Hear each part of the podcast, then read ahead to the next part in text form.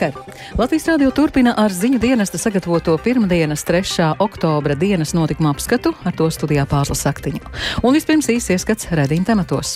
Saimnes vēlēšanu uzvarētāji vispirms sola domāt par darbiem, tikai tad par koalīciju. Pirmos uzdevumus dod arī prezidents. Nākamajai valdībai jābūt reformu valdībai, jo nākamie četri gadi būs grūti tāda valdība, kas spēj pātrināt Latvijas attīstību, jo Latvija atpaliek. Ko no jaunievēlētajiem politiķiem sagaida sabiedrības pārstāvji? Klumpačosim uz priekšu, tāpat kā līdz šim, bet varbūt labāk tā, nekā riskēt ar kaut ko sliktāku. Pie varas paliek vieni un tie paši cilvēki. Līdzīga nākotne, kādu mēs piedzīvojam pēdējos četrus gadus. Drīzāk kas nav sagaidāms. Man liekas, Stambulas konvencijas ratifikācija nav sagaidāma, tāpat arī nav sagaidāms civilās savienības likums. Jauna aptauja liecina, ka sasniegts jebkad augstākais atbalsts par Ukrainas iestāšanos NATO. Ukrainas iestāšanos NATO atbalstītu 83%. Lai gan valsts austrumu iedzīvotāji iestāšanos NATO uztver nedaudz piesardzīgāk, arī tur pieaudzis šī soļa atbalstītāju skaits. Valsts prezidents Egils Levits pilnvarojas jaunās vienotības pārstāvi premjeru Krišāni Kariņu sākt konsultācijas ar pārējām partijām par iespējamās koalīcijas izveidošanu.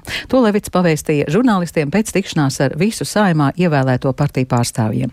Pēc Levita domām piemērotāka būtu plašāka koalīcija ar jaunās vienotības, apvienotās saraksta, Nacionālās apvienības un partijas progresīvie dalību, taču iespēja sadarboties ar progresīvajiem atkarīga no turpmākajām partiju sarunām.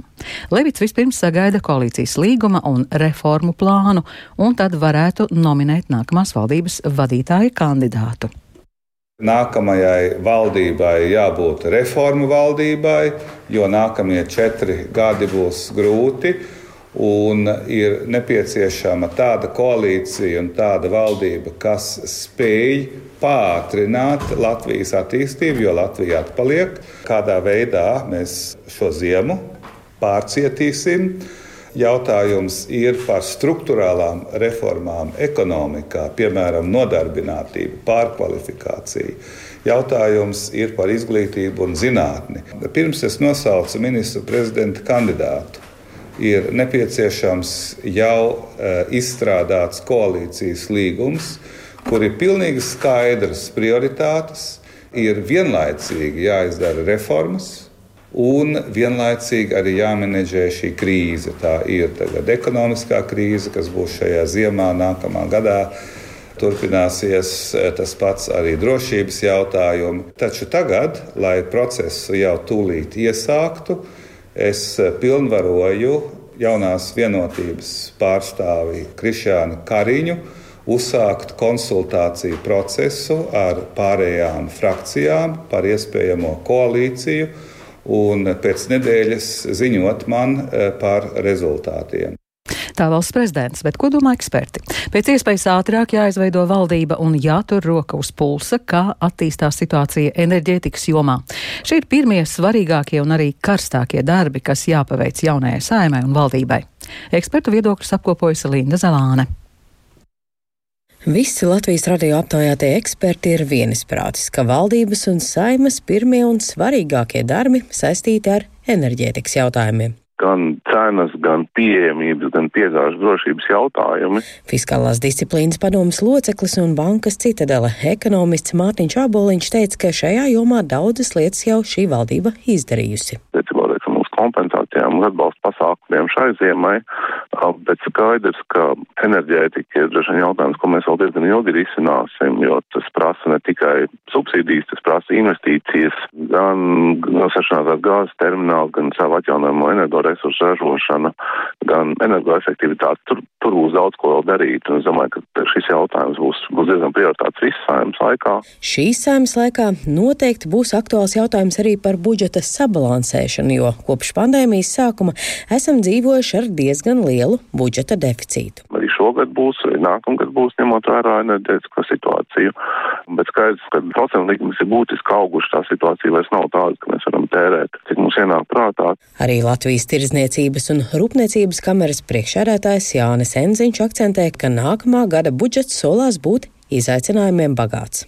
Nākamais gads, vismaz pirmais pusgads solās būt sarežģīts un ticam, ka mēs redzēsim recesiju, kas nozīmē, ka varētu būt arī iespējams maz tās naudas, kuras dalīt ja, no jaunām kādām aktivitātēm un arī, arī solījumu izpildījumiem. Runājot par enerģētikas jomu, Henziņš pauž ticību, ka šīs saimnes laikā pieņemtie grozījumi atbalsta programmās, kas paredz dāsnu vairāk nekā miljārdu eiro vērtu atbalstu gan maisaimniecībām, gan uzņēmumiem, varētu būt gana. Vēl viens no darāmajiem darbiem, viņa prāt, ir mazināt Latvijas ekonomikas atpalicību no Lietuvas un Igaunijas. Nu, lai mēs ilgtermiņā dzīvot labāk, skaidrs, ka mums ir jānodrošina darbspēka nodokļu konkurētspēja, lai darbspēka nodokļi mums nebūtu augstāk kā Lietuvā, Igaunijā, lai mēs tādā veidā varētu arī piesaistīt šeit vairāk investīcijas un, un tad vairāk uzņēmumu būtu. Arī Latvijas darba devēja konfederācijas prezidents Andris Bita uzsver, ka jaunās valdības karstākie jeb īstermiņa darbi ir drošība un energopolitika, bet vidējā un ilgtermiņa darbs energo neatkarības nodrošināšana pirms mēs to darām vai turpinam darīt, izmodelētu to situāciju, kādā mēs gribam nonākt, kādi šie būtu patēriņi, lai arī no tā tālāk atkarīgs ir investēties terminālos, gāzes, neinvestēties un tam līdzīgi. Šis ir tas lielais jautājums un arī aicinājums jaunajai valdībai un parlamentam tomēr lēmums daudz vairāk pieņemt balstītus uz aprēķiniem, modelēšanām, nevis uz revolucionāru pārliecību, ka mums tā jādara. Bite arī sagaida, ka jautājumos, kas skar ekonomiku, valdība lēmumu gatavošanā un pieņemšanā daudz efektīvāk nekā līdz šim sadarbosies ar darba devēju organizācijām. Kopumā Latvijas radio uzrunātie eksperti atzīst, ka jaunajai valdībai darāmo darbu saraksts ir patiesi garš, bet, lai varētu ķerties vērsim pie ragiem, pirmais un svarīgākais uzdevums tomēr ir konstruktīvas un ātras valdības veidošanas sarunas, lai neatkārtotos iepriekšējās valdības veidošanas vēsture, kad sarunas ievilkās samērā ilgi. Linda Zalāne, Latvijas radio. Pārsteigumi un partija izgāšanās, tomēr prieka sajūta gaisā nav jūtama. Tā par saimnes vēlēšanu iznākumu atzīmē sabiedrības pārstāvi, kurus Latvijas radio uzrunāja arī pirms balsošanas, jautājot, kā viņi vērtē priekšvēlēšanu laiku un kā izvēlas savu politisko spēku. Viktors Demidovs viņus uzrunāja vēlreiz. Lielākais pārsteigums varbūt tomēr ir, ka saskaņa pat nesavāc 5% balvas. Bija skaidrs, ka viņiem būs stipri mazāk, bet ka tik ļoti viņi būs izgāzušies, to es negaidīju. Nu, Neatkarīgās trupas kvadrifrons aktieris Jānis Kronis atzīmē, ka vairāku saimnes vēlēšanu uzvarētājas partijas saskaņa atbalstītāji šajās vēlēšanās savu balsi atdevuši par tādām partijām kā Stabilitātei, Latvijas Krievu Savienība un Zaļo un Zemnieku Savienība kas dažos novados Latgalē vēlēšanās ir populārākā partija. Neveiksmi 14. Saimas vēlēšanās piedzīvojusi arī koalīcijā esošā attīstībai par, un tas esot saistīts ar partijas reklāmas kampaņu. Kurā mirklī viņi izdomāja, ka jāsāk tā teikt, stāstīt, cik Kariņš ir bijis slikts vadītājs un cik Pabrika kungs būs ļoti labs vadītājs un izlēmīgs, un man liekas, nu, sašāva sev kājās. Savukārt 14. saima, kurā iekļuva tādi jaunie spēki kā apvienotais saraksts, kopā ar stabilitātei un Latvija pirmajā vietā ar Aināru Šleseru priekšgalā, izskatās konservatīva, jo vienīgais izteikti liberālais spēks ir progresīvie. Tā uzskata Kronis, norādot, ka vēl ir pāragri spriest spriest, ko no jaunā parlamenta sagaidīt. It kā nomainās liela daļa deputātu saimā, bet nav tā, ka liela daļa no viņiem ir pirmo reizi Drīzāk, kas nav sagaidāms, man liekas, Stambulas konvencijas ratifikācija nav sagaidāma, tāpat arī nav sagaidāms civilās savienības likums šīs saimnes sasaukumā. Bet, nu, cerams, ka sagaidām ir nu, tāda pro-eiropiskā, pro-NATO un nu, diezgan skaidra politika attiecībā uz Krieviju. Nu, tas gan ir sagaidāms. Uz Eiropu un NATO vērstu politiku paredz arī dramaturģe Hanete Konste, kura pirms dažām nedēļām Latvijas radio pauda, ka priekšvēlēšanu laikā partiju kampaņa kampaņas nebija intensīvas, savukārt kandidātu solījumi vāji. Tāpēc tagad ir liels pārsteigums par Zaļo un Zemnieku savienības un partijas stabilitātei sasniegto. Negaidīts ir arī saskaņas un attīstībai pārpiedzīvotā neveiksme, savukārt vilšanos konsta izjutusi pret liberālajiem spēkiem. Varbūt cilvēki nebija gatavi riskēt ar kaut kādām radikālākām reformām vai kaut ko tādu, bet uh, galvenais mērķis ir kaut kā noturēties uh, virs ūdens. Negaida kaut kādas lielas straujas reformas, ne izglītībā, ne veselībā. Droši vien tā kaut kā lēnām plumpačosim uz priekšu, tāpat kā līdz šim, bet varbūt labāk tā, uh, nekā riskēt ar kaut ko sliktāku. Mihēla Čehova Rīgas Krievu teātra vadītāja un aktrise Dana Bjorka pirms vēlēšanām sacīja, ka daudzās partiju reklāmas un solījumi viņai paceļ garas stāvokli, taču neviens no politiskajiem spēkiem vai to kandidātiem nespējot iegūt viņas uzticību, tāpēc uzrunājot viņu pēc vēlēšanām, viņa par to iznākumu nesot nedz priecīga, nedz arī vīlusies. Savukārt apkārtējos cilvēkos Bjorka dzirdot daudz sašutuma. Pie varas paliek vien un tie paši cilvēki, Un tad ir sagaidāmas līdzīgi lēmumi un līdzīga nākotne, kādu mēs piedzīvojam pēdējos četrus gadus. Es ļoti ceru, ka tie izaicinājumi, kas stāsies jaunai valdībai priekšā, tiks risināti gudri, pārdomāti, viedi un ņemot vērā visu Latvijai lojālo sabiedrību, nešķiļot to uz krieviem vai latviešiem. Lai, Lai sabiedrība būtu saliedēta, Jorka uzskata, ka ir ne tikai jāpieprasa, bet arī jāieklausās cilvēkos. Viktors Demidovs, Latvijas radio. Turpinoties kara darbībai Ukrainā, Ukrainas armija atbrīvo arvien jaunas Krievijas okupētās teritorijas austrumos un dienvidos. Tikmēr jauna aptauja liecina, ka sasniegts jebkad augstākais atbalsts par Ukrainas iestāšanos NATO. Plašāk stāsta Rihards Plūme. Ukrainas armija pēc austrumos esošās strateģiski svarīgās Limanas pilsētas atbrīvošanas turpina atbrīvot arī citas apdzīvotas vietas. Ukraiņu spēki ir ieņēmuši arī iepriekš okupēto Torskes ciematu un vēl vairākas apdzīvotas vietas Limanas tuvumā. Torske atrodas 20 km no okupētās Kreminas pilsētas Luhanskas apgabalā. Visticamāk, šīs pilsētas atbrīvošana būs Ukrainas armijas nākamais mērķis austrumu frontē. Kara darbība turpinās arī dienvidos. Armijas pārstāve Natālija Gumeņuka norādījusi, ka Ukrainas armija turpina cīnīties un konsolidēties tajās teritorijās, kuras jau ir atbrīvotas un vēl tiek attīrītas. Pagājušajā diennaktī dienvidos tika apšaudītas gandrīz 45 apdzīvotas vietas un tiek organizēta civiliedzīvotāju evakuācija.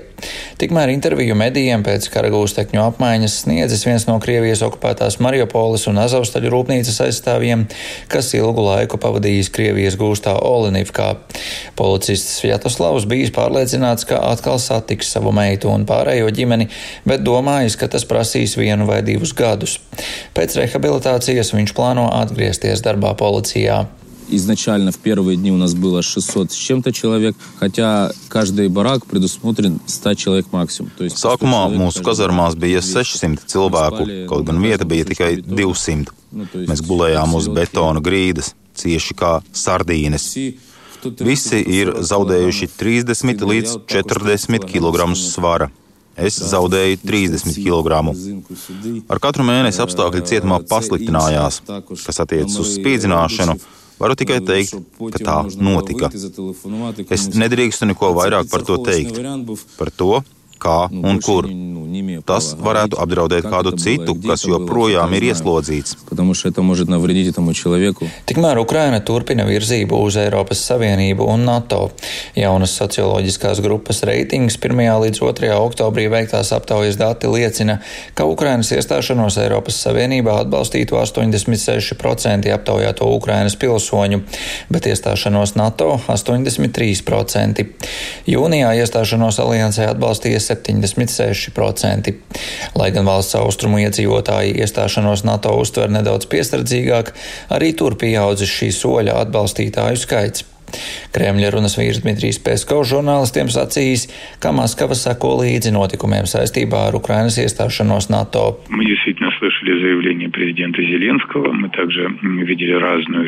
Mēs dzirdējām Zelenska paziņojumu, redzējām dažādas reakcijas no NATO puses. Ir valstis, kas atbalsta pātrinātu iestāšanos, un ir valstis, kas to neatbalsta. Jebkurā gadījumā visi atsaucas uz vienprātības principu.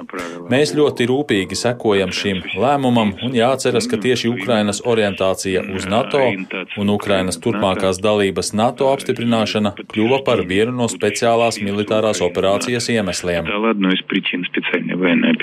Tuvojoties augstajam gada periodam, Ukraiņi turpina gatavoties ziemai, un Kīivas Startautiskā socioloģijas institūta aptauja savukārt atklāja, ka 70% respondentu pauduši pārliecību par viņu mājasēmniecību gatavību iespējamām apkuras problēmām ziemā. Par labāk sagatavotiem apkuras sezonai sevi uzskata valsts rietumos dzīvojošie Ukraiņi, kā arī turīgākie respondenti. Eksperti gan atzīmē, ka tas ir respondentu subjektīvais pašvērtējums, kas var būtiski atšķirties no objektīvās situācijas. Rihards Plūme, Latvijas radio. Krievijas valsts doma šodien ratificēja līgumus par pašu pasludināto Donetskas un Luhanskas tautas republiku un okupēto Ukrainas Zaporižas un Hersonas apgabalu uzņemšanu Krievijas federācijā. Visus četrus Krievijas prezidenta Putina parlamentā iesniegtos likuma projektus deputāti pieņēma vienbalsīgi. Tikmēr Kremļa runas vīrs Dmitrijs Peskovs izteicies, ka jautājums par robežām Ukrainas Hersonas un Zaporižas apgabalu teritorijām, kuras gatavojas anektēt Krievija, tiks apspriests ar šo apgabalu iedzīvotājiem. Turpina Rihards Plūme. Pagājušajā nedēļā Kremļa runas vīrs Dmitrijs Peskovs nespēja atbildēt uz žurnālistu jautājumu, vai Krievija tikai anektēs tās abu apgabalu teritorijas, kuras tā okupējusi, vai arī uzskatīs par savām arī tās abu apgabalu teritorijas, kuras kontrolē Ukraina. Tā tas ir gadījumā ar Donetskas un Luhanskas apgabaliem, jo tur pašpasludinātās tā dēvētās tautas republikas Maskavē ir atzinusi šo apgabalu robežās. Uz jautājumu, vai Krievija uzskatīs par savām arī tās Hersonas un Zaparīžas apgabalu teritorijas, kuras tā nekontrolē, Peskovs atbildēja: Man nav ko piebilst. Kremļa preses sekretārs arī noraidīja, ka būtu gaidāma jauna referendumu sarīkošana Hersonas un Zaparīžas apgabalos. Brazīlijas prezidenta vēlēšanās visvairāk balsu saņēmis kreisais eksprezidents Luis Inacio Lula da Silva. Tomēr nec Lula, nec pašreizējais labējais prezidents Žērs Bolsonaru neieguva vairāk nekā 50% balsu un tādēļ gaidāma otrā kārta. Brazīlijas politikas analītiķis Leonardo Pass izteicies, ka rezultāti nozīmē saspringtas tuvākās nedēļas. Viņa prāt Bolsonaru un Lula turpinās uzbrukumus viens otram. Un lūk, ko pēc pirmās kārtas sacīja Lula. Que me desculpe, jornalista, vocês vão ter que trabalhar um pouco mais. Es ceru, ka žurnālisti man piedos, bet jums būs nedaudz vairāk jāpastrādā. Atvainojiet mūsu biedriem no sabiedroto partijām. Mums būs vairāk jāceļo, mums būs vairāk debašu, mums būs vairāk jārunā ar cilvēkiem. Mums būs arī jāpārliecina Brazīlijas sabiedrība par to, ko mēs piedāvājam. Domāju, ka mūsu prezidentam ir svarīgs uzdevums, proti runāt ar citiem politiskajiem spēkiem, nevis izaicināt vēlēšanas. Cīņa turpināsies līdz galīgai uzvarai. Tāds ir mūsu moto. Tikmēr Bolsonaro pauda pārliecību, ka viņam izdosies sakopot spēkus, lai vēlēšanās uzvarētu. Ar Nobela prēmijas medicīnā pasniegšanu šodien sākusies Nobela nedēļa. Šā gada Nobela prēmiju medicīnā ieguvis Zviedrijas paleoģenētiķis Svante Pēbo par vairāk nekā 30 gadu laikā veiktiem izmirušo homininīdu genomu pētījumiem. Kā norāda Nobela komitejas pārstāve Anna Vedela, Pēbo atklājumi ir devuši būtisku ieguldījumu izpratnē par cilvēka evolūciju. First time, important questions on our relationship with the Neanderthal could be addressed. Pateicoties PBO pētījumiem, bija iespējams pirmoreiz atbildēt uz jautājumiem par mūsu attiecībām ar neandertāliešiem. Tagad ir iespējams noskaidrot, ka atšķirības un šķelšanās sāka parādīties pirms 800 tūkstošiem gadu. PBO un viņa komanda pārsteidzoši atklāja, ka ir notikusi gēnu pārplūšana no neandertāliešiem uz homo sapiens. Un tas nozīmē, ka līdzās pastāvēšanas laikā viņiem bija kopīgi bērni. Svarīgi, ka tagad ir iespējams arī salīdzināt neandertāliešu un homo sapiens atšķirības. Tās ir atšķirības, kas var būt par pamatu visām unikālajām īpašībām, kas novērojams visiem pašlaik dzīvojošiem cilvēkiem.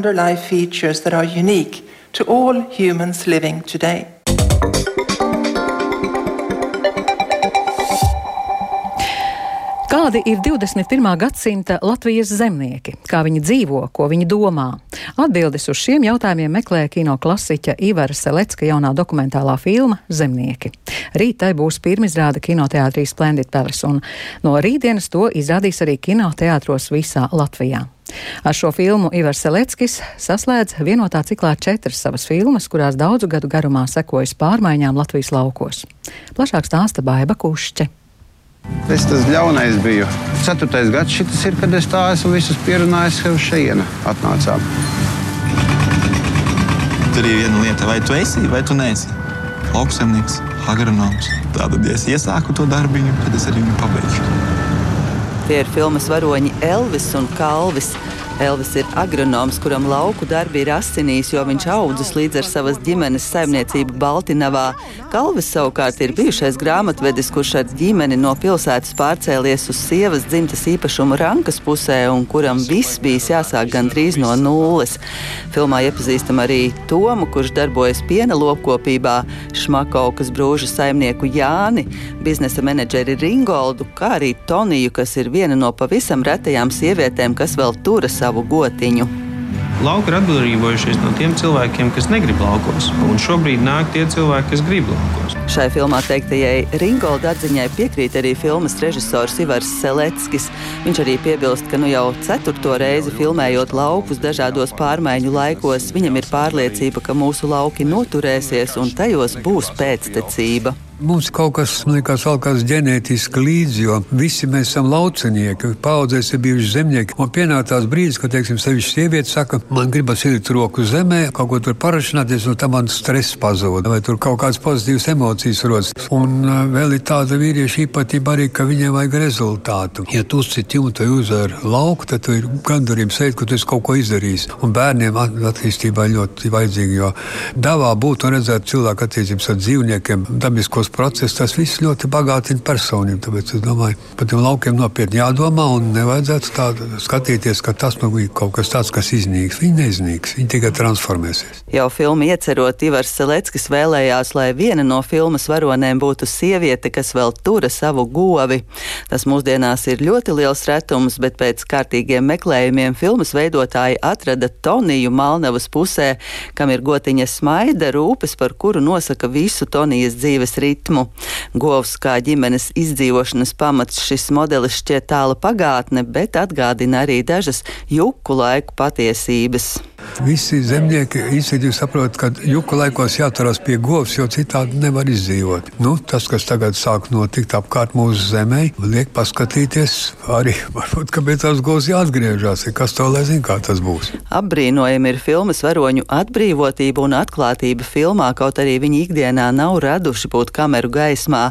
Šādas brīvības pakāpes panākšanu operators Valdis Celmiņš devē par Ivara Selecka īpašo meistarību, kas gadu gaitā izkopta līdz niansēm. Ivaram ir neticami laba oža varoņu izvēlē. Viņš izvēlas ļoti kinematogrāfiskas vides, kuras pašas par sevi vienmēr ir jaudīgas. Un arī viņš izvēlas tikai tādus varoņus, kurus kamera mīl un kuri nebaidās no kameras. Un tad, kad sāk strādāt, nu, tad tās ir attiecības. Tā ir Ivara neatlaidība. Viņš ir ļoti, ļoti mērķiecīgs. Viņš bez kompromisiem iet uz to, kas viņam ir nepieciešams. Un trešā ir uh, ir vienkārši tā dokumentālā kino amata lieta, ka tu ļoti daudz laika pavadi ar tiem cilvēkiem, kamēr viņi pieņem. Un uh, tu vari jau ieraudzīt tās īstās dzīves ainiņas. Tad, kad cilvēks uzfilmē dzīvi, kādu viņš to redz, pārāk neiejaucoties, viņš ir sācis nodarboties ar dokumentālo kino. Kas nav piefiksēts, tas nav bijis. Ivars Selecka jaunākās dokumentālās filmas Zemnieki pirmizrāde būs otrdien, 4. oktobrī kinoteātrī Splendid Palace. No otrdienas filmu izrādīs arī kinoteātros visā Latvijā. Filmu savā programmā iekļāvis arī viens no nozīmīgākajiem dokumentālā kino festivāliem pasaulē - Amsterdamas festivāls, un to izrādīs programmas sadaļā Meistari Baiba Kušķa Latvijas radio.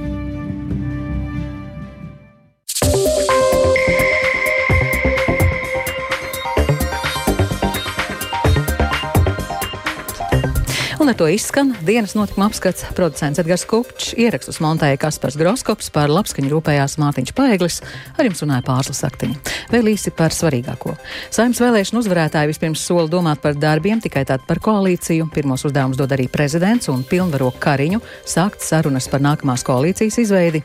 Krievijas parlaments vienbalsīgi ratificē līgumus par četru Krievijas okupēto Ukrainas teritoriju iekļaušanu Krievijas sastāvā. Un jauna aptauja liecina, ka sasniegt sasniegts jebkad augstākais atbalsts par Ukrainas iestāšanos NATO. Šī raidījuma atkārtojumu meklējiet raidierakstu platformās, kā dienas ziņas un Latvijas radio mobilajā lietotnē. Latvijas radio ziņām sekojiet arī Latvijas radio viens Facebook lapā un LSMLV. Yeah.